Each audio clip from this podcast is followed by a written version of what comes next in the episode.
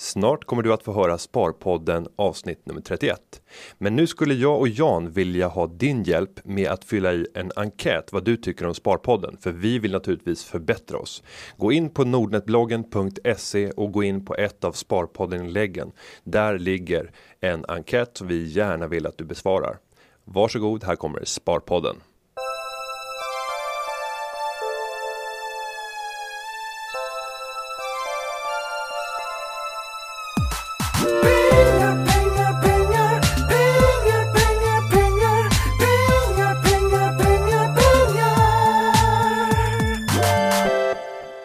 Välkomna till Sparpodden. Jag heter Günther Mårder. Och jag heter Jan Dinkelspiel. Idag blir det ett frågeintensivt program igen. Så är det. Är du nyfiken på den här enkäten som ligger på bloggen? Vi är ju tävlingsmänniskor båda två. Jag, jag tror att det finns eh, en fråga som är i vilken utsträckning de tycker att, ja, Man får ge poäng Man på, får på, de, rata. på, på dig och mig. ja Det ska bli jättespännande att få, få se det resultatet. Och skriv gärna frifältssvar, alltså kommentarer. Vi hade några, eh, vi fick ju en sneak peek och då hade ju du många femmor och jag många fyror. Fick jag höra. Jaha, det har inte jag hört. Nej, du har inte hört det, du Nej. har inte noterat det. Så att, så att de, de få fans jag har, eller ni som är där ute, eh, ni behöver ju tilta Snälla. upp mig. För jag orkar, Snälla inte med, jag orkar inte med en Günther. Another loss. En Günther som vinner Eh, över mig. Sen måste jag också eh, kommentera. Nu har ju Shareville eh, gått beta live kan man väl säga. Ja, det kan man säga. Ja, så att det är ett fåtal kunder som är inne och testar det nu. Däribland jag och Jan. Och där gick jag in och tittade och jag tror inte att du är medveten om det här. Men eh, jag lyckades se att du själv har varit en investerare i Northland Resources. Oj, oj, oj. Har du gått Det långt? finns- har det du finns i gått, historiken. Har, har du gått långt ner i transaktionshistoriken? Sålde, sålde februari 2013 för 52 öre tror jag. Hur tänkte du? Jag absolut ingen aning. Eh, 2013, 52 ja, öre. Du sålde då. Jag, jag såg inte när du köpte, men det kan ju knappast varit för ett, eh, ett lägre pris. Nej, men jag har ingen, jag, är- jag är helt ärligt, jag har inget minne av att jag har gjort en, en stor förlust i Northland. Jag har gjort många stora förluster i mitt liv, men ingen i Northland tror jag. Sen såg jag att du hade eh, tradat short mot dollarn och, och liknande. Mycket valuta, eh, mini shorts och liknande. Ja, men jag har gjort, alltså jag har tagit, tagit kort guldet och eh, sen så har jag varit lång dollarn också i perioder. Eh, och det tror jag varit ganska, alltså jag har varit bra på guldet och dollarn. Och det här är ju din verkliga portfölj. Så det här är ju min verkliga portfölj. Eh. Men jag tror att du är en av de få som går in och kommer att, eller grottar fullständigt ner i transaktionshistoriken. Tror du inte? Så kan det vara. Och där fick jag besked av han som har utvecklat eh, Shareville ursprungligen, Fabian, att eh, det skulle finnas ett års historik tillbaka med alla privata affärer. Ja. Eh, men däremot avkastningen så finns det tre år om jag har fel. Okej. Eh, men, men det fanns mer än, än ett år och han själv blev överraskad. så du fick frossa loss? Ja då, Men det där så. med Northland måste jag faktiskt kolla och se om jag gjorde en större torsk eller om det var någon typ av Mm. minitesttransaktion.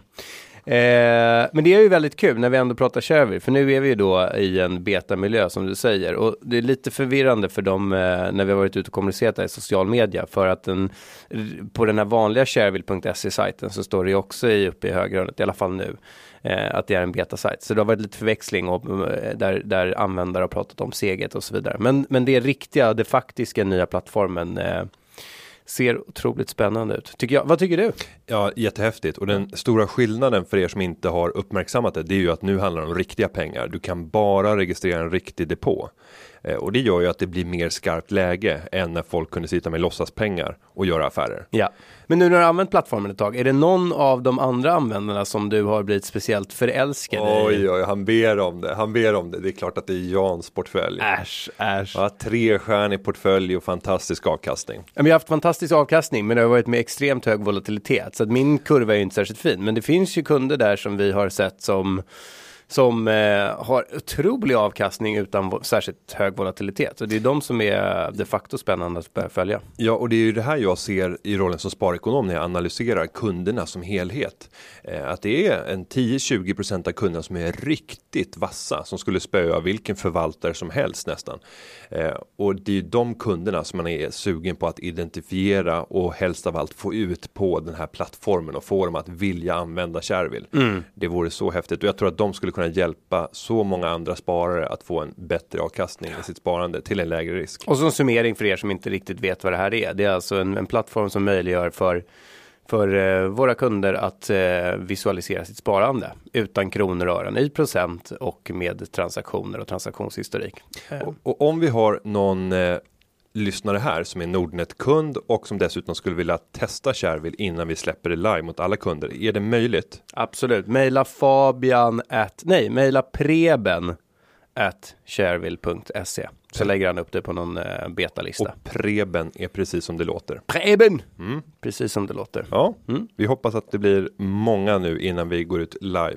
Och då eh, kommer också en viss skyldighet att eh, komma in med synpunkter. Om man får komma in och betatesta då vill vi ha någonting till- tillbaka i form av synpunkter och liksom idéer för hur gör vi det här bättre innan vi skjuter ut det Absolut, live. och sen är beta, det ska vi respekt för. Det, det är komplext, sådana här projekt är komplexa och eh, det kommer att vara mindre buggar och sånt. Men det är därför vi har en betamiljö för att eh, förbättra oss. Första frågan för dagen. Ja, vad är det? Eh, ska vi gå in och eh, Vi ska göra en pudel va? Ja, det tycker jag vi gör omedelbart. Ja, det är väl lika bra. Mm, annars kommer granskningsnämnden på oss. Vi pratade förra avsnittet om MTNer och gjorde oss nästan lite, gjorde oss nästan lite lustig. Ja, för det var en fråga om skillnaden mellan MTN och certifikat. certifikat. Och du var så eh, nedvärderande så du började prata om att du kanske har förväxlat det här med MTFer. Som ju är Ja. något helt... Alltså och det, ETNer, en blandning däremellan. eh, och det är ju jag som helt har fått det här eh, om bakfoten. Eh, och nu har jag ju bättre läst på. Det här är ju verkligen bortaplan för min, för min del. Jag, jag spelar ju normalt sett på aktiemarknaden, inte så mycket på kreditmarknaden. Men MTN, eh, det finns det absolut någonting som heter. Eh, och och eh, det är ju mediumlånga eh, certifikat som bolagen ger ut för att kunna få en löpande finansiering. Om man ger ut en obligation till exempel, då tar man ju in allting i samband med en emission. Man får in ett stort belopp vid ett ögonblick. En MTN, det är ett löpande kontrakt där bolaget har rätt att gå ut och emittera nya eh, certifikat för att på så sätt få en finansiering som ger ett jämnare kassaflöde när pengarna verkligen behövs. yes. Och eh, vi fick ett tips här från Filip Hallberg att just nu så ligger industrivärden med 8 miljarder i en, i en MTN. Var den där kvinnan som eh, skickade den ursprungliga frågan, för det var en kvinna va? Ja, det var det. Eh, har hon eh, gett sig tillbaka och hånat oss? Nej, det har den inte gjort. För jag tror att vi lät så bergsäkra i vårt svar. Nej, det tror inte jag. Jag, tyckte, jag tror hon är väsentligt mycket mer påläst om det här. Ja, annars skulle du inte ställt frågan. Vad är skillnaden mellan MTN och certifikat? Ja. Ja, ja, Eh, så att eh, med det så har vi rättat oss själva. Så är det. Ska vi prata lite investeringsstrategi? För vi har fått flera stycken som har undrat kring det. Bland annat Dan Octorloni som frågar på Twitter under hashtag Sparpodden. Just det, är det smart att öka risken något när man redan har en reavinst under året? Nej nej, nej, men det här tycker inte jag. Alltså bara för att det har gått bra under inledningen av året så ska ju inte det förändra inställningen till risk. Men rationalen måste någonstans vara så här. Eh, vi säger att eh, Dan har eh, 50 000 kronor och så tänker han att han har ett avkastningskrav på, ja, han är nöjd med 10% per år utan att ta så mycket, ta särskilt mycket risk. Så att, eh, ja, det är svårt och då tittar sparekonomen blängandes på mig och säger det är svårt att nå 10% utan att ta risk. Ja, ja. Men vi säger 50 000 med en ambition att göra 10% Så har han gjort 20% redan eh, inledningen av året och då tänker han eftersom jag har gjort så mycket vinst så kan jag nästan ta, liksom, nu är jag beredd att ta en förlustsmäll här också. Jag kanske ska öka risken väsentligt. Ja, men det är nästan ingen som har en sån typ av förvaltning. Man går in på aktiemarknaden för att man vill ha så mycket som möjligt. Annars så skulle vi i vissa lägen faktiskt välja att gå ut ur aktiemarknaden så fort vi har uppnått en viss avkastning. Och där har vi ett problem på grund av att marknaden rör sig ju rätt kraftigt både uppåt och neråt enskilda år. Och då kanske det innebär att vi lämnar marknaden redan efter 10% uppgång. När det vid en uppgång mycket väl kan bli ett år som innebär 20 eller 30 eller 40% och sen går vi in nästa år igen. Alltså det finns ett feltänk när man låser sig vid år. Vi gör ofta det. Men, men det är inte så pengarna, alltså pengarna tar väl inte hänsyn till om det är 2013, 2014 eller 2015. Det är en kontinuerlig förvaltning och där ska man inte göra avsteg från sin riskprofil. Jag skulle vilja hävda att om Dan har varit med om en kraftig uppgång under inledningen av året så har det förmodligen inneburit att det har blivit obalanser i hans portfölj. Något enskilt värdepapper har ju dragit iväg kraftigt. Det kan inte vara alla värdepapper som har stigit kraftigt. Nej. Och då utgör det värdepappret en mycket högre andel av det totala sparandet och det innebär i sig ett högre risktagande. Ja. Så det bör han se över förmodligen. Så är det ju. Och sen så är det ju, det är ju värt att påpeka ytterligare en gång att, att eh, vi ser ju ofta kunder som som tar stora positioner i väldigt riskfyllda bolag. Och, och det må gå bra under en, i en sån här marknad där mer eller mindre allting går upp. Men, men en dag så kommer det en smäll och då Ja, men då har vi, vi ser ju det eh, tecken på, ja men det, är all, liksom, det kan vara alltifrån en, en, en pengatorsk till personliga tragedier där, där enskilda kunder eller enstaka kunder förlorar allting i samband med en eh, diamyd eller en Northland eller, eller, eller någonting annat. Så att eh, var försiktig och var ödmjuk inför att, att den, bara för att du har varit framgångsrik i ditt sparande under en kort tidsperiod så är inte det en garanti för eh, att du alltid kommer att träffa rätt. Med stigande kurser skall följa högre ödmjukhet. Ja, det var mm, bra summerat. En annan sak, jag såg en kurva igår som eh, vår kära kollega Roger Jansson som ju eh, jobbar med förvaltningsprodukter på Nordnet. Eh, han visade utvecklingen, alltså kundernas eh, eh, ut, kunder, alltså aggregerat kundernas utveckling i förhållande till index. Sen är det en ganska skev jämförelse för vi vet att massa kunder har räntefonder, vi vet att de är likvida och så vidare. Och så, vidare. så det finns massa anledningar till varför kunderna inte slår eh, aktieindex. Eh, men, men där ser man ändå att i en nedåtgående marknad så, så är det ganska stark korrelation med index. Men däremot så när det sen vänder så trailar man så, så hakar man efter. Och det är ju någonstans en indikation på att, precis som vi har pratat om många gånger också, att, att när man är i en bull market eller när liksom, eh, värderingarna är på topp, då är kunderna fullinvesterade och riskaptiten har ökat och man ligger exponerad mot emerging markets och allting som kan avkasta mer och mer och mer. Och, och man har liksom övergett det här med investmentbolagen som, som är lite tröga och gett sig på eh, lite mer sexiga bolag. Och sen så eh, i den piken så smäller det och då går det ner och då har kunderna förhållandevis hög risk. Men sen så när det är på botten då och alla tycker att det här med risk är oerhört jobbigt och att man har sett sina pengar gå förlorade, då allokerar man om till mindre riskfyllda tillgångar och sen så vänder det och då är man inte med på tåget uppåt.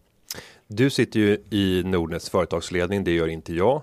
Eh, diskuterar man frågan om hur Nordnets kunders avkastning är i förhållande till andra bankers kunders? Nej, det ska jag ärligt säga. Det, det, vi, vi, pratar, alltså vi pratar utifrån perspektivet att vi måste hjälpa våra kunder att bli mer framgångsrika. Men vi har ingen konstant tracking eh, månad för månad i vilken utsträckning våra kunder, eh, kunders utveckling slår eh, konkurrerande bankers utveckling. Så är det inte. Men visst skulle det vi- vara men- intressant? Det skulle absolut vara intressant. Sen är, det är så mycket ifs and buts i det där, för vilken riskprofil har kunder? Mm. Vilket Vi- produktutbud har Ja, vi har direktkunder som, som har en högre kunskapsnivå än många andra aktörer har och så vidare. Och så vidare för de ligger i, i någonting som en banktjänsteman har, har, har rådgett omkring och vi ligger i, i de tillgångar som ni som kunder har valt att köpa. Så det, det, det är väldigt många, eh, jag tror att det är svårt att göra jämförelser, men däremot så kan vi se bara utifrån vår egen kunskap, hur kan vi hjälpa våra kunder att bli bättre över tid? Eh, och den diskussionen eh, skulle jag säga är mer frekvent idag än vad det var för några år sedan. Och jag tror att med Alltså det är hela tanken med Shareville, att vi, vi ser, du ser i din roll som sparekonom att, eh, att kunderna agerar irrationellt eller, fel, eller rationellt emotionellt, men, men fel utifrån ett investeringsperspektiv. Att de säljer vinnare och köper förlorare och att det straffar sig i längden. Eh, och där hoppas ju vi att genom att visualisera de bästa kunderna i vår kundstock eh, på en plattform som Shareville så har eh, sparare som inte har varit lika framgångsrika förmågan att kunna ändra sina strategier och ta rygg på de bästa. Ja, för det är det, det jag hoppas i min roll som sparekonom. Att jag skulle kunna få fler kunder att göra bättre affärer. Ja. Och, och på så sätt bidra till en framgång för, för Nordnet såklart. Men egentligen ska ju du stå, du ska ju stå när, när, krisen är som, som svårast och när det i rubrikerna skriker att nu eh, nu, ja, det är bara svart och Draghi och allt sånt där och Draghi och Obama och eh, Bernanke och vad det nu var. Då ska du stå och skrika så här, belåna er och köp. Och nu när vi börjar närma oss pikar, eller ja, jag säger inte att du ska göra det här, men egentligen så ska man ju liksom, eh, ska, man ska, det är så sorgligt att alltid man ser att riskaptiten är som högst hos privatspararna när värderingarna är som högst och att riskaptiten är låg när, när värderingarna är låga. Och det, det tråkiga och enkla rådet som jag ska ge till Investera sparare. över tid och Ja, långsiktigt. re, regelbundet. Ja. Eh, För då får du genomsnittligt ganska Ja, bra kurser. för Men, ditt- men, det, men det, det är tråkigt och det är liksom. För din mage spökar med din hjärna som får dig att agera irrationellt. Ja. Men det var ett långt svar på Dans fråga. Ska vi gå vidare till en annan privatekonomisk fråga? Och det är privatspararen som har frågat det här på Twitter. Privatspararen.se tycker jag vi kan ge honom, för han puffar ju, han marknadsför ju sig själv i samband med inlägget. Väldigt smart. Eh, kan låna 500 000 till 2 Ska jag låna? Om ja, hur tycker du jag ska investera? Notera du. Ja, och så han riktat frågan till Gun Gunther Marder Twitter. Marder. Eh, nej, jag tycker inte man ska låna för att investera. Även om man kan. Jag skulle säkert kunna låna både 5 miljoner, kanske 7 eller 8 miljoner till. För att investera. Men jag tänker inte göra det.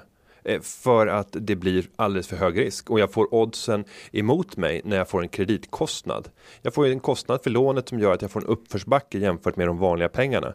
Så att de enda tillfällena då jag, jag säger ju var försiktig med belåning. De enda gångerna jag gör avsteg ifrån det, det är när jag tycker att marknaden generellt sett har gått alldeles för långt i sin pessimism.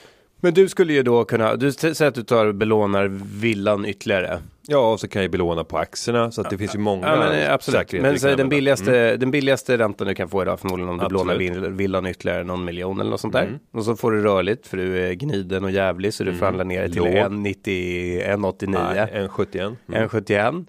Eh, men du är inte beredd att ta det där lånet och investera i en företagsobligationsfond som avkastar i snitt 6 Nej, för det skulle ändå innebära en stress för mig. Vad händer om marknadsräntorna skulle börja stiga kraftigt? Jag vill inte sitta i en sån rävsax. Alltså använd de pengar du har.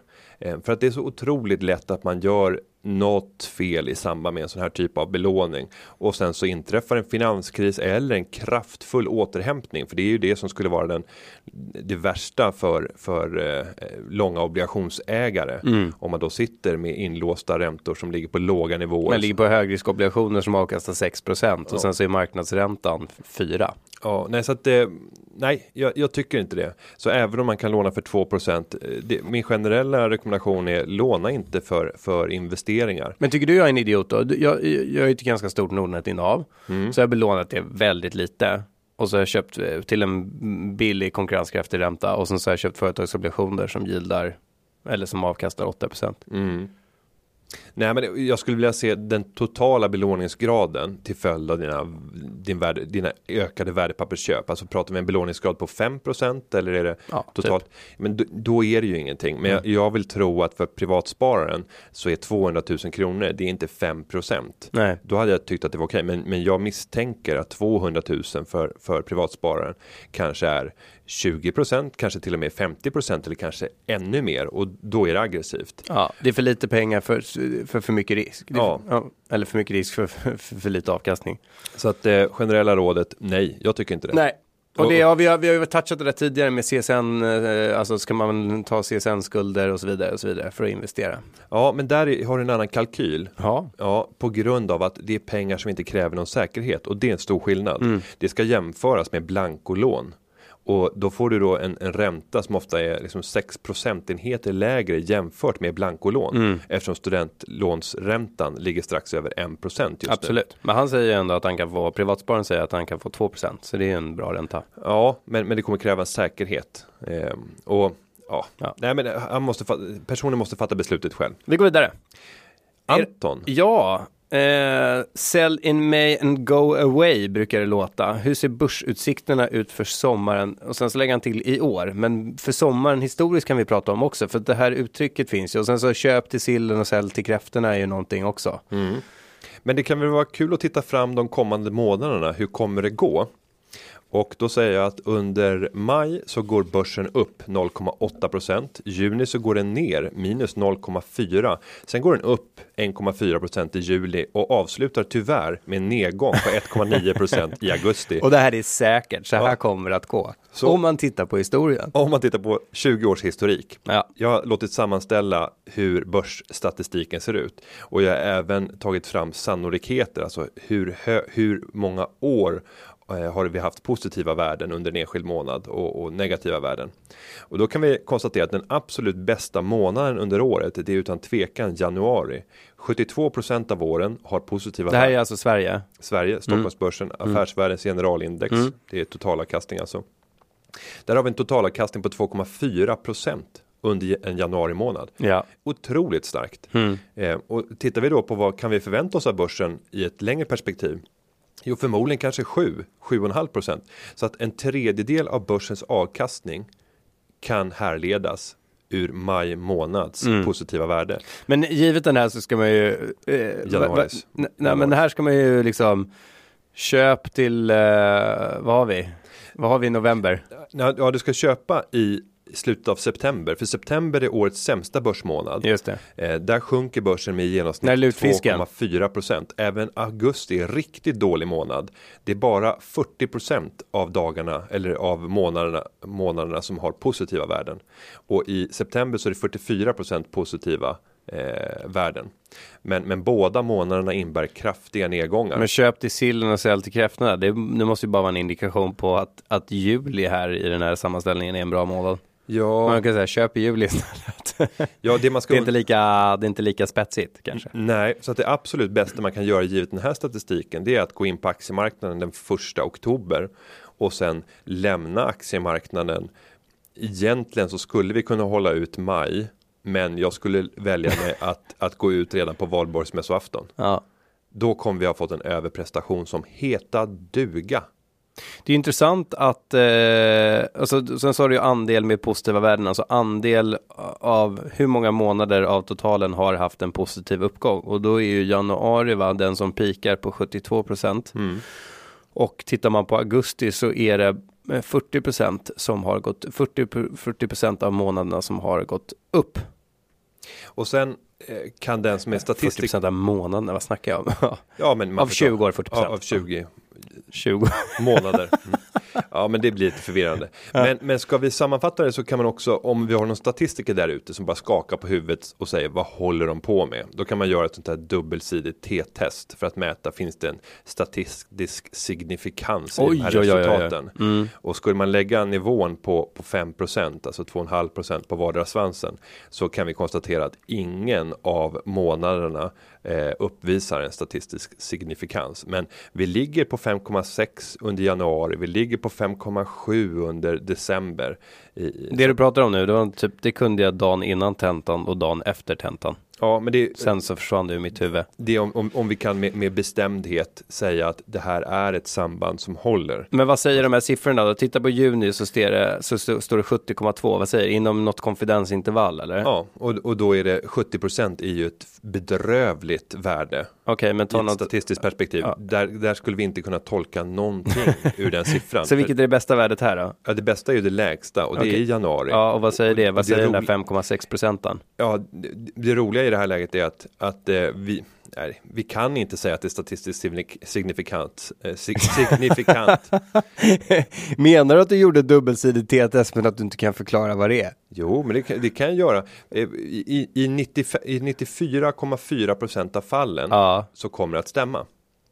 i 94,4 procent av fallen så kommer vad att stämma? så, så kommer resultaten att vara representativa. Men i, i 5,6% av fallen så kommer vi få icke-representativa resultat. Ja, men eh, då hör ni där ute, då vet ni precis hur ni ska För alla, för alla som ska göra stattentan och jag ska väl alltså vill erkänna att, att statistik 1 och statistik 2 på Handels var det sista jag klarade eh, under min utbildning. Förlåt Håkan Lyckeborg. Ja, men sån här, alltså en, en statistiker skulle väl säga så här, det här är helt irrelevant Ja. därför att det är för få mättillfällen, alltså 20 tillfällen och det, det som är intressant, det är egentligen, jag tycker att det är, jag tycker att det är intressant att augusti är en sån, man har liksom känslan av också, eller hur? Med den erfarenhet man har från aktiemarknaden. Du, du är ju något yngre än vad jag är, men, men, men, men kom den ifrån? Nej men att säga att, vi, ska säga att, vi har, säga att jag har 20 år på aktiemarknaden, vad du? Ja, 20 kanske också, eller 15. 18. Ja. 18. Så har man en känsla av att augusti är en volatil månad. Mm. Men, men snittmånad, det räcker med att Obama inte ville höja skuldtaket så går börsen ner 15% så har det liksom förstört 15 års eh, tidigare historik. Jo, men då har jag också andelen månader. Andelen av de 20 senaste augustimånaderna. Just det. Så att det gäller att båda dem är ja, de överens. får hitta en viktning här ja. Och det är därför som ehm, om vi tittar på augusti så, Ja. så sjunker börsen med 1,9 procent Ja, och det är 40 procent positiva värden. ja. I september har vi minus 2,4, alltså större nedgång. Men 30-44% positiva värden. Jobbigt att lyssna och inte se det vi har framför oss. Men vi kanske kan lägga upp det här på nordnetbloggen.se. Som stödmaterial. Ja, jag så- tror vi går vidare för att jag tror att det är hopplöst att förstå vad vi pratar om. Ja, men vi lägger upp det och så får ni svara på enkäten också. Men du, Mm. när vi ändå är inne och pratar, eh, när vi ändå är inne och pratar det här med säsonger och när man ska agera och inte agera. Nu är vi ju mitt i en stämmosäsong. Och jag, Nej, vi är i slutet. åh, vi är i slutet av en stämmosäsong. Ja. Men är vi verkligen det? Nej, Ja, det- alltså storbolagen har haft sina stämmor och så I, I vidare. antal räknat så återstår det kanske Med alla 35-40%. småbolag, mid, mid small cap har Ja, kvar många det är många. dem. Ja. Så man kan säga att vi är i mitten av, av Vi har passerat mitten. Okej. Hur statistiskt säkerställt är det? Har du t-värde på det? Ett, ett, ett dubbelsidigt eh, Det test skulle indikera 30 och jag har absolut ingen aning om vad det betyder. Mm. Eh, men, jo, eh, det här med styrelser, valberedningar, då- då, började jag tänka så här, okej, det är valberedningen som utser styrelse eller som ger förslag på eh, styrelse till stämman. Mm. Men hur fungerar det med valberedning? Och så svor jag på att det här ska jag ta upp med Günther i Sparpodden. Kan du förklara för mig? v- vem utser valberedningen? Ja, valberedningen har ju som, som, som uppgift att föreslå en ny styrelse till stäbban. Men hur går allting till? Eh, vi kan gå tillbaka till 90-talet och då fanns det inga valberedningar i Sverige. Det fanns i föreningsvärlden men det fanns inte inom företagsvärlden utan då var det styrelsen och de största ägarna och det var ju ofta de som satt i styrelsen som diskuterade igenom ett förslag som skulle kunna komma att gå igenom i samband med årsstämman som då hette bolagsstämma. Ehm, men sen så kom man att ta intryck av valberedningsinstitutet som man kallar det Jaha. från föreningsvärlden för att styra upp den nya verklighet som hade skapats när allt fler institutionella ägare hade kommit att bli väldigt stora och det här förändrade landskapet förändrades under 80 och 90-talet när fonder och pensionsbolag började bli de dominerande ägarna på börsen. Men de hade inget inflytande, vilket var konstigt med tanke på hur mycket de ägde. Ja. Så då vill man få en bättre spridning där fler engagerade sig i bolaget och då inrättades valberedningar i början av 2000-talet. Okej. Och de här. Ja, så det fanns ingenting före början av man 2000-talet? kunde ju ha det, absolut. Eh, men det var väldigt sällsynt. Ja. Utan det var efter kommissionen, förtroendekommissionen som Erik Åsbrink ledde eh, efter, efter krisen när IT-bubblan sprack och förtroendet för, för aktiemarknaden och finansmarknaden som helhet var väldigt lågt. Men hur går det till då? Vem utser valberedning? Det är de största ägarna som gör det och vanligtvis så Hur går det formellt till? man fattar normalt sett ett beslut under årsstämman om en process för att utse valberedning. Okej. Och det skulle kunna vara det Så vanligaste fallet. styrelsen ger en rekommendation till stämman. Så här är vårt förslag på hur man utser en valberedning. Ja, och det vanligaste det är att man efter sommaren så har man gått ut och ställt frågan till de kanske fem största ägarna om de vill skicka in en representant i Kanske fem eller är det fem eller? Nej, det kan vara tre, det kan vara åtta. Det finns ingen gräns för hur många det ska vara, men det, det som har bildat norm är väl fem ledamöter. Men står det dikterat då i den här processen för Ja. hur valberedningen ska utses? Så Ja. står det att valberedningen ska bestå av eh, fem stycken ägare och sen så kommer man att tillfråga den största ägaren först Ja. för att få in eventuellt en, en representant. Sen frågar man ägare två, tre och sen så ägare nummer fyra ville kanske inte stoppa in en representant. Då hoppar man över den och går till ägare fem. Den vill stoppa Men in en ta, ta, representant. ta då, ta H&M Mm. och Stefan Persson, eh, eller, eller Persson-familjen, äger 65% av H&M eller något sånt där. Mm. Eh, Är det sannolikt att tro att, att då ringer, eh, eller ringer, ja, Stefan lyfter luren och har du numret till Robur? nej men, nej men, ja exakt, men är han ordförande i valberedningen också då eller? Nej. nej. Men är det sannolikt att tro att han bara som största ägare har en representant i valberedningen? Och sen så ringer man eh, Alekta eller vem som är ägare nummer två? Ja, det, Eller det gör man ju inte, där är det ju olika familjemedlemmar. Så du kan ju då sprida det på olika familjemedlemmar och så blir det bara familjen som... Ja, men jag tror inte att eh, det ser ut så. Nu ska jag ha koll på det, men jag tror inte att det ser ut så i, i eh, valberedningen för, för Hennes Mauritz. Utan jag tror att de har med ett antal finansiella institutioner. Alltså eh, kanske Robur, kanske Alekta, kanske AMF. Eh, kanske, nej, Folksam är nog inte så stora där. Ja, men, men några, några finansiella institutioner. Och eh, vilka ska de då skicka när de ringer till Robur? Och så säger de, ja, men nu vill vi ha, höra om ni vill ha någon i valberedningen. Robur, de har en ägarchef som vi har pratat om tidigare, Marianne Nilsson. Eh, hon har ju varit ett av deras valberedningsproffs. Men sen så insåg man för ungefär fem år sedan kan man väl säga att det började gå liksom inflation i antalet uppdrag som enskilda ägarstyrningsansvariga på institutioner hade. Vissa kunde sitta på 20 i värsta fall upp mot 30 uppdrag. Och där har man bland annat det, hos Robur i alla fall då gjort om strukturen så att det är allt fler styrelseledamöter i Robur som engageras i valberedningsarbetet. Så där finns det ett antal seniora styrelseledamöter Ja. som har industriell erfarenhet som de ibland då skickar som representanter för att verka för, för eh, andelsägarna i förlängningen. Då. Så att om Robur har ett stort aktieägande i ett bolag så har de även i Robur-styrelsen då eh, duktiga representanter och sen så skickar man in dem i de här olika valberedningarna. Ja, det har kommit att bli en större, större spridning. Ja. Förut var det nästan bara ägarstyrningschefen. Och vad som sen händer när de har blivit tillfrågade, det är ju att eh, man kommer att få en, en färdig lista och det behöver man inte så att säga, fatta beslut om, för man avgjorde ju processen redan på årsstämman, Ja. hur den skulle utses. Ja. Så det här kan till och med en tjänsteman ha gjort. Det kan vara chefsjuristen på bolaget som genomför så att säga rundringningen och säkerställer att det här Och hur tror du att det fungerar då i praktiken? För att om, om, om ordföranden ofta sitter i valberedningen, är det, skulle du säga att det är så i Ja. mer än 50 av fallen eller? Ja, valberedningen, eller ordföranden i styrelsen brukar ofta sitta Ja. i valberedningen. Ofta- men, men inte med på samtliga punkter. Eh, utan personen blir ju jävig i lägen när man ska diskutera ordförandens roll, vilket är en ganska stor fråga för Ja. valberedningen och styrelsens arbete. Men däremot så är det viktigt att ha en länk in i styrelsen för att få korrekt information. Ja. Och där är ju styrelsens ordförande den absolut bästa personen att ha med då. Och hur- i vilken utsträckning tror du ta då i eh, bolag som inte är liksom privatägda i hög utsträckning? Säg ett exempel. Eh, Ja. eh, som inte är privatägda. Ja men alltså som inte har en stor liksom där ordföranden är en sån tydlig huvudägare också. Ja, om vi tar AstraZeneca. AstraZeneca. Men som inte är ett svenskt bolag, men strunt samma. Just det. Eh, tror du att då Leif Johansson går in i valberedningen och säger så här, vi saknar den här kompetensen, vilken tycker ni att vi ska ta? Eller tror ni att, eh, eller tro, alltså hur, i vilken utsträckning tror du att valberedning faktiskt har en uppgift? Att, eh, att institutionen, säg Alecta om de skulle vara stora ägare i AstraZeneca, kommer in och säger så här, nej men vi tycker att ni är liksom, eh, dåliga på forskningssidan, vi vill ha en eh, liksom, forskare av hög kaliber in i, i styrelsearbetet. Mm. Eh, nej, men jag tror att eh, styrelsens ordförande är väldigt tydlig med att liksom måla upp en kravprofil. Vad är det vi behöver i den här styrelsen? Vad är det som saknas i dagsläget? Sen tror jag att i de flesta fallen så backar ordföranden därifrån eh, efter att ha fått en fråga från övriga i valberedningen kan du ge tips på intressanta namn som vi kan titta, titta vidare på i ditt kontaktnät.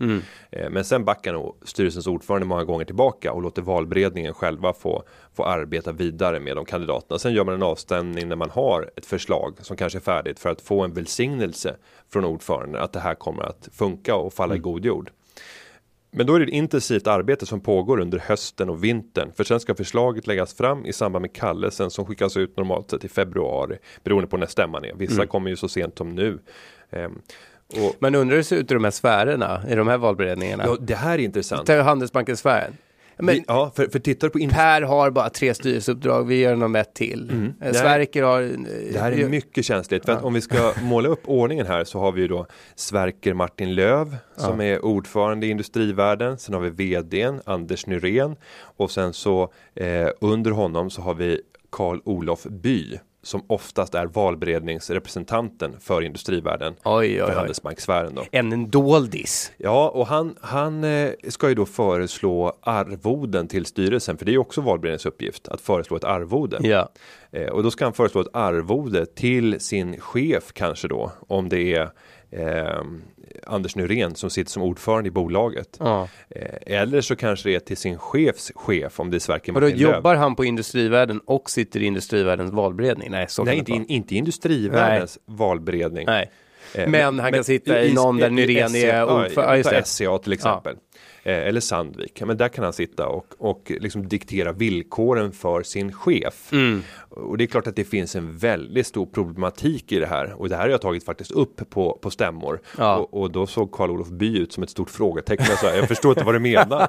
Hur kan det här vara ett problem? Så bara, ja, Hur kan det vara det? Ja. Mm. Men då, är det, då, då sitter de där med eh, en och en halv miljon ersättning och så säger man att ja, men nu höjer vi en Ja, hundring. ja, och i både Volvos fall och i eh, SCAs fall så har det varit kraftiga höjningar och det är Carl-Olof By som har föreslagit det med sin valberedning.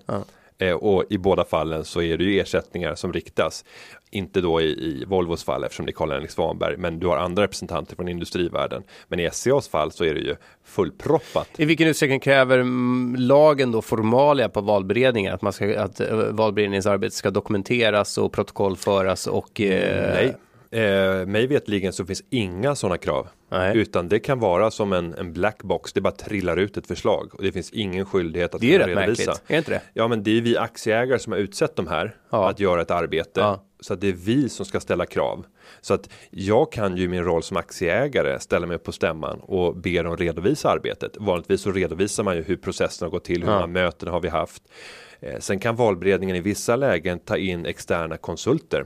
Det har blivit allt vanligare att man jobbar med alltså executive search firmor, headhunting företag som eh, är professionella när det kommer till rekrytering. Mm. Så gjorde man när man rekryterade Swedbanks nya styrelse. Då var man tror jag helt öppen med att man anlitade alumni. Okej. Eh, Det var väl fyra nya ledamöter som man tog in under, under ett år. Och Telia Sonera måste vara ett jättejobb också. Ja, jag tror säkert att de har använt sig av rekryteringskonsulter också. Ja. Så, ja, spännande. ja, det är mycket om valberedning. Och du, om, om vi ändå bara kort då, eh, i en där det inte finns aktieägare utan eh, i föreningslivet, titta en bostadsrättsförening då. Mm. I min bostadsrättsförening, hur, utsätts, hur utses valberedningen? Det görs ju under föreningsstämman när man har Ja. sitt årsmöte. Ja, Och då kommer man till den där punkten när det blir helt tyst bland alla föreningsmedlemmar. Så bara, vilka kan tänka sig att ingå i en valberedning? ja. Och så är det tyst och sen tvingar man två stycken och säger att det är nästan inget jobb. Om jag då, eh, om jag då skulle sträcka upp handen, är det ett majoritet, alltså ska, ska förening, skulle jag kunna göra kuppa valberedningen? eller? Oh ja. Ja. enkel majoritet är det som behövs. Ja. Och jag har varit med om i min gamla bostadsrättsförening eh, att det har varit en, en föreningsstämma med enormt eh, omfattande kupper. Till att börja med kuppades jag in som ordförande. I valberedningen? Eh, nej, I? Som, som, nej, som ordförande för, för stämman, Ja. alltså Aha. för årsmötet. Aha. Då, styrelsen hade hyrt in en extern person från SBC, alltså en jurist som skulle leda stämman. Han hade ju fått pröjs för det här. Jag vet inte om han kostar 10 000 kronor för att sitta där och under en, en, en vardagskväll dricka torrt kaffe och försöka leda lite, lite medlemmar. Som bara vill gå hem? Eh. Eller där hälften vill gå hem och hälften vill sitta kvar hela natten? Ja, men då blev det en attack mot styrelsen Ja. och de sa nej, vi föreslog Günther Mårder. Omröstning. eh, och det blev en omröstning och jag eh, blev då utsedd så Ja. att han sa att ja, men då, då går jag då. Så, ja, ja, du kan lämna fakturan. Eh, och sen när vi kom till val av styrelse så eh, kom det upp ett helt annat förslag. Först kom valberedningen och sa vi föreslår en oförändrad styrelse, sittande. Och sen kom det ett annat förslag. Ja. Och sen blev det omröstning. Ja. Och i princip hela styrelsen byttes ut. Jaha, Eh, så det kan vara mycket dramatik även på. Frostigt i eh, trappuppgången sen efteråt eller? Ja, det kan det nog ha varit under en period, men jag märkte inte av så mycket av, av sånt där. Jag lever mitt liv ganska mycket. Men utser då eh, föreningen eh, valberedningens ordförande eller hela valberedningen? Skulle, om jag då vill kuppa valberedningen, skulle jag kunna säga nej men jag har ett alternativ till valberedning och det, det, det går jag själv in som ordförande och sen tar jag med mig min kära granne. Ja, i, i vanliga fall i bostadsrättsföreningar så är det kanske två, högst tre personer som väljs till valberedning. Ja. Och eh, det är inte så vanligt kanske att man har utsett en ordförande utan det blir en informell ordförande i valberedningen. Ja. Eh, som för talan. Ja, men, okej. men det är väldigt sällan som man utser men En ordförande i valberedningen. men i större föreningar och där är det liksom mer på spel än bara ett hus. Men, men utser är det stämman, ja det är det ju såklart, så att då har ju valberedningen ett jobb att ta fram då ett förslag på styrelse. Men sen så kan stämman komma med ett alternativ, så att även Mm. om jag då kommer in i valberedningen ge ett förslag på en helt ny styrelse, så kan någon annan då på stämman säga att nej men jag har ett alternativ och ja, det är det du, här. ja, du kan välta alla, alla Ja, beslut. Ja. Eh, Men då är ju, då är ju valberedningens mandat i princip inget alls. Nej, ja, de har nej. ett researchjobb att göra, Ja. se om det är någon som är intresserad och så vidare. Men i princip så har de ju inget mandat att pusha någonting i högre utsträckning än någon annan. när det är stämman som bestämmer allt. Den, den är exklusiv i sin beslutande rätt, utom i en fråga och det är frågan om utdelning. En stämma kan aldrig höja en utdelning efter styrelsens förslag, Nej, men man kan sänka den. ja. Och, och det har hänt. Det är inte ofta, men Nej. det har hänt. Bra, vi går vidare. Tack för eh, upplysningen. Sara, Först vill jag tacka för en superbra podcast, har lyssnat sedan avsnitt bla bla bla. Eh, jo, hon har hört om robothandel på börsen och om, undrar om vi kan förklara hur det fungerar. Eh, och vad vi tycker om robothandel som fenomen. Det här är ju, I den här världen så måste vi säga att det är ändå kontroversiellt. Det är, av eh, de som handlar, de som är aktiva på börsen och både institutioner och aktiva privatsparare så är det ett väldigt laddat ämne. Ja, det är det. Sen så är det så brett ämne för att robothandel, det är ju all handel som på något sätt är automatiserad av något slag. Ja. Och det kan man ju säga att även en kund hos Nordnet deltar i en robothandel för vi har en, en smart orderläggningsfunktion Just det. som hela tiden kollar av på de marknader där vi är anslutna. Var finns det bästa priset? Och det blir ju en robot. Ja. Eh, Och det är precis så här det funkar och problemet är ju eh, vad som har hänt med börsmarknaden är att idag så kan du handla Ericsson på 30 kanske 40 olika marknader. Det innebär att om någon lägger en order och vill Kan köpa- du det? Ja, det kan du göra. Är det så många? Med alla små MTFer Ja, okej. så är det uppåt 40 marknader. 30 i vart fall, kanske uppåt 40. Ja. Och då innebär Men då sitter 90% av likviditeten eller Ja, 95 ja. eller På- 98 på på, på, nej jag tänkte på, på fyra, ja. Ja. inte på Stockholmsbörsen. nej, nej, inte ensam. Nej. Men, men Stockholm är överlägset störst. Just det, Eh, men sen där- är det Turkish Chi-X, Bats och Burger, ja Burgen är inte så mycket tror jag. Nej, och sen har du den amerikanska handeln också som är Just omfattande. det, i just ja. Depåbeviset. Sen eh, vad som händer i det här läget eh, om någon lägger en order, låt oss säga att det är en ganska stor order. De vill köpa 100 miljoner Ericsson. Då och så går man till en aktör som är ansluten till många marknadsplatser. Jag tror att SEB är den aktör som har flest anslutningar i Sverige.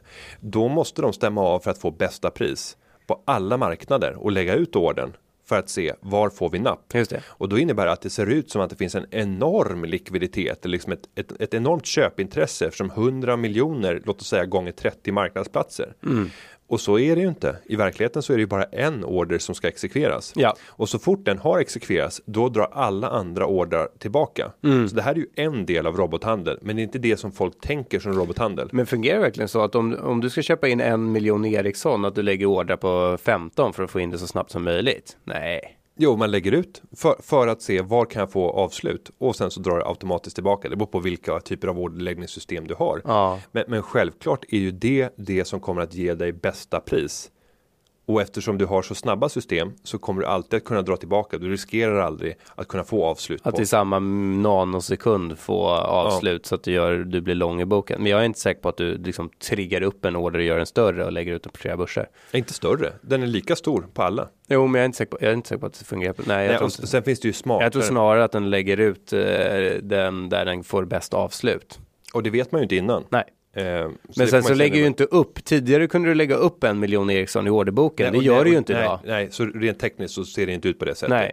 Utan du ser på direkten när det finns likviditet som kommer. Så när Günther och jag började handla, då var det ju kul att sitta och kolla på orderboken. Alltså Mm. det var kul att sitta och titta på orderdjupet därför att det var, det var sådana enorma volymer där. Det låg eh, 3 miljoner Ericsson på köpsidan och så låg det 500 000 Ja, man kunde Ericsson. analysera. Ja, exakt. Man kunde gissa med ganska hög liksom, träffsäkerhet var kommer nästa rörelse att ske Ja. genom att bara titta på balansen mellan köp och Och säljsidan. då fanns det ju en, en marknad för eh, traders som satt och, och lärde sig hur flödena fungerade. De kunde liksom först ett tolka orderboken och sen kunde man se då marknadens participanter eller deltagare se att ja, nu är det den där Carnegie eh, snubben som är inne och köper och jag har lärt mig exakt hur han handlar och därför så vet jag att så här kommer, eh, så här kommer det se ut.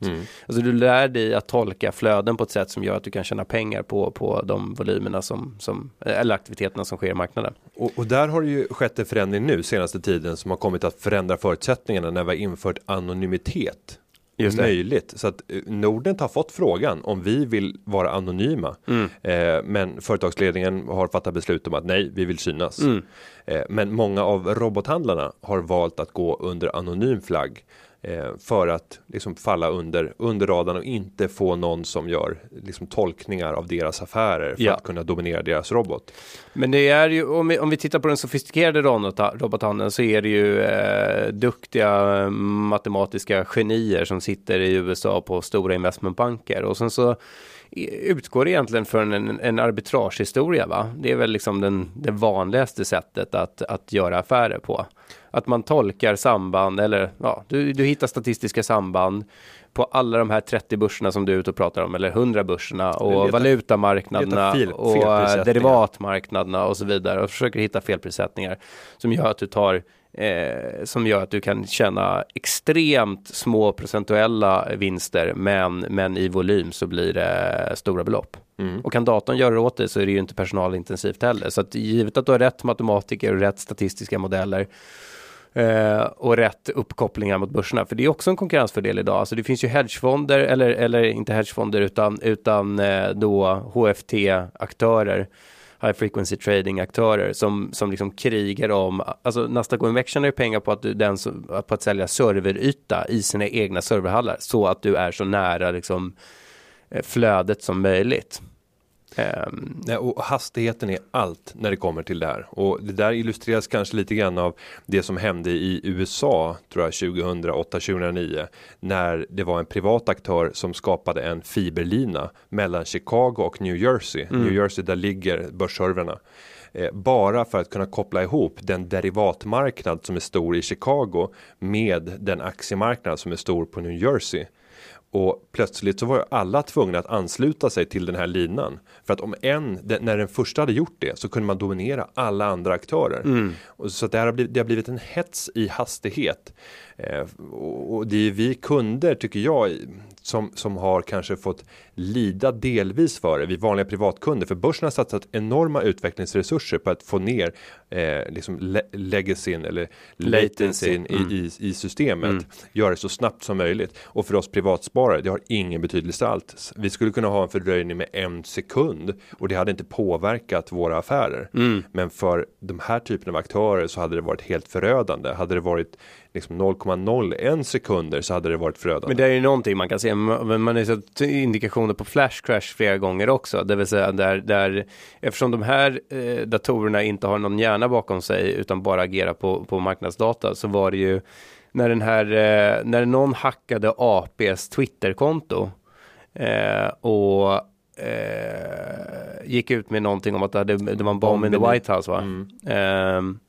Då gick ju börserna ner med 6% eller något sånt där. Ja, det var, det var bara minut. ja, det var fem minuter som det, hela det här förloppet varade till den hade återhämtat sig. Exakt. Men, men det är väl kanske inte det mest extrema exemplet. Jag tror att vi hade här i maj, om det var för två år sedan eller om det var för tre år sedan. Eh, när vi hade dramatiska fall i Procter Gamble och i Accenture. Accenture blåste väl ut 90 eller 95 procent av börsvärdet bara på några sekunder. Eh, och det var ju någon, någon robot som hade löpt amok. Nu har inte jag läst vad utredningen efter det här gav vid hand. Men- Men uppenbarligen så är det ju Men, men vi ska avrunda här. Men, men det här är ett intressant ämne. Egentligen borde du ta in ett Günther special och intervjua någon sån här riktig eh, master på eh, HFT-handel. För att det, det finns så många olika dimensioner i liksom hur de ställer sig i orderboken. Jag tycker att det är väldigt kontroversiellt mycket av det som sker. Det är ju att om, om, om, en, om en dator går amok så, så säger man vi makulerar alla ordrar. Om en privatperson eh, löper amok så eh, åker man in i, så ringer Nasdaq OMX upp eh, och vill att man ska åka dit för, för kursmanipulation. Alltså det, det är ju kontroversiell materia. Man är väldigt förlåtande mot de här eh, mot de här eh, datorerna, men privatspararna. Och, och, och man agerar, agerar ju noll på fundamenta. Det finns ju ingen dimension av fundamenta i det som, som eh, handeln genomförs på, utan det är bara eh, agera på pris.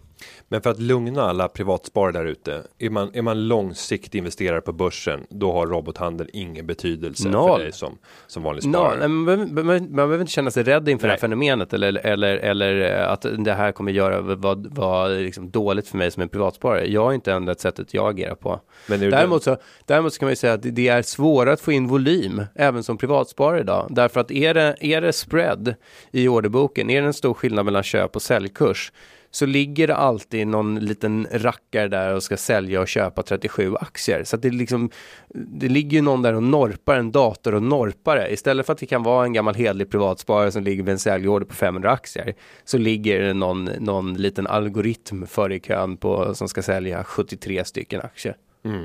Ja, och det där kan ju leda till ökade kostnader. Om Ja. man har en lång order som ligger över, man kanske ställer in att den ska gälla i två veckor.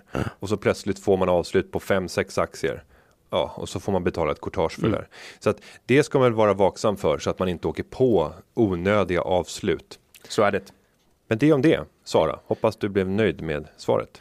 Eh, Ludvig Skogman undrar, en liten sen fråga, en liten sen, ja. Hur ska man tolka Kinneviks besked om att inte rapportera några resultatsiffror för, resultatsiffror för Zalando?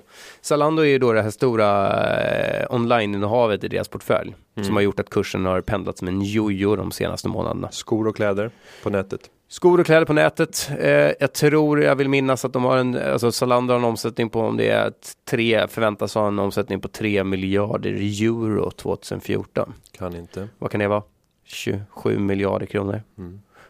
Eh, och varför man inte redovisar resultatsiffror? Eh, Förmodligen för att det inte finns något resultat. nej, nej, jag vet inte. Nej men så är det ju, det är ju inte ett, ett, ett negativt. Allt är ju tillväxt i de här typen av företag just nu. Ja. Det är ju så man värderar dem. Eh, och sen så kan det nog bero på att man, man inte vill ha den här kortsiktiga spekulationen som alltid finns på aktiemarknaden och som blir ännu värre ju mer löpande information man skickar ut om enskilda försäljningssiffror. Men här har ju många analytiker gått in och börjat titta på webbstatistik istället för att se flödet på antalet besökare. Och det gör ju att eh, man kommer att få en inkorrekt information som, som gör att eh, det kanske sker spekulation på, på siffror som inte är, är rättvisa och då blir det också fel. Ja, jag vet inte vad som är, alltså ska man vara supertransparent i det här? De kanske säger att det är ett långsiktigt strategiskt innehav och aktiemarknaden jublade. Jag tror det var Goldman Sachs som hade någon riktkurs på 450 kronor och sa att det Kinnevik är på väg att göra är fantastiskt. De säljer sina gamla tillgångar och går in i lukrativa onlineinvesteringar. Och sen så var de superrosade under en, en längre tidsperiod och sen så bestämde sig marknaden för att hata Zalando-innehavet helt plötsligt och sen så har kursen pressats på grund av det. Nu vet jag inte om vi ser ytterligare trend, alltså trendbrott åt andra hållet nu igen. Men det är frågan, ska, är det bättre att vara supertransparent eller blir man då som börsnoterat bolag ifrågasatt varenda kvartal? Och när ska man då få frågan på varenda, stä- eller varenda rapporttillfälle, när är ert tålamod med Zalando eh, slut och så vidare? Utan bättre att säga, det här är långsiktigt och vi kommer att redovisa det när vi känner att så är. Mm. Ja, men det är alltid bra att vara transparent, men sen får det inte gå till överdrift när det kommer till att skicka ut information mot marknaden. Men nu är det här en så pass viktig affär i Kinnevik så att eh, jag, jag, jag tror nog att man kommer att vara duktig på att redovisa utvecklingen för det. En sak kan man ju säga att om, ju mindre man redovisar desto högre volatilitet eller eh, risk kommer det vara i aktien. Ja, för det kommer bli fel, Ja. fler felprissättningar. Exakt. Mm, Ska vi ta en sista fråga innan vi rundar av? det kan vi göra. Angelica Alm, vår Nord, som även Åh. bloggar på Nordnet-bloggen och som ju besöker oss när vi har våra Nordnet Live-tillfällen. Ja, Ja, en favorit. en favorit. Hon skriver Eftersom Jan Nordnet och Günther Mårder numera är vänner. Det är vi. Är vi det? Ja, det är vi. Ja. På både Facebook, LinkedIn Linked in. och, och Instagram. Japp. Vill jag veta vad ni skulle köpa till varandra i födelsedagspresent?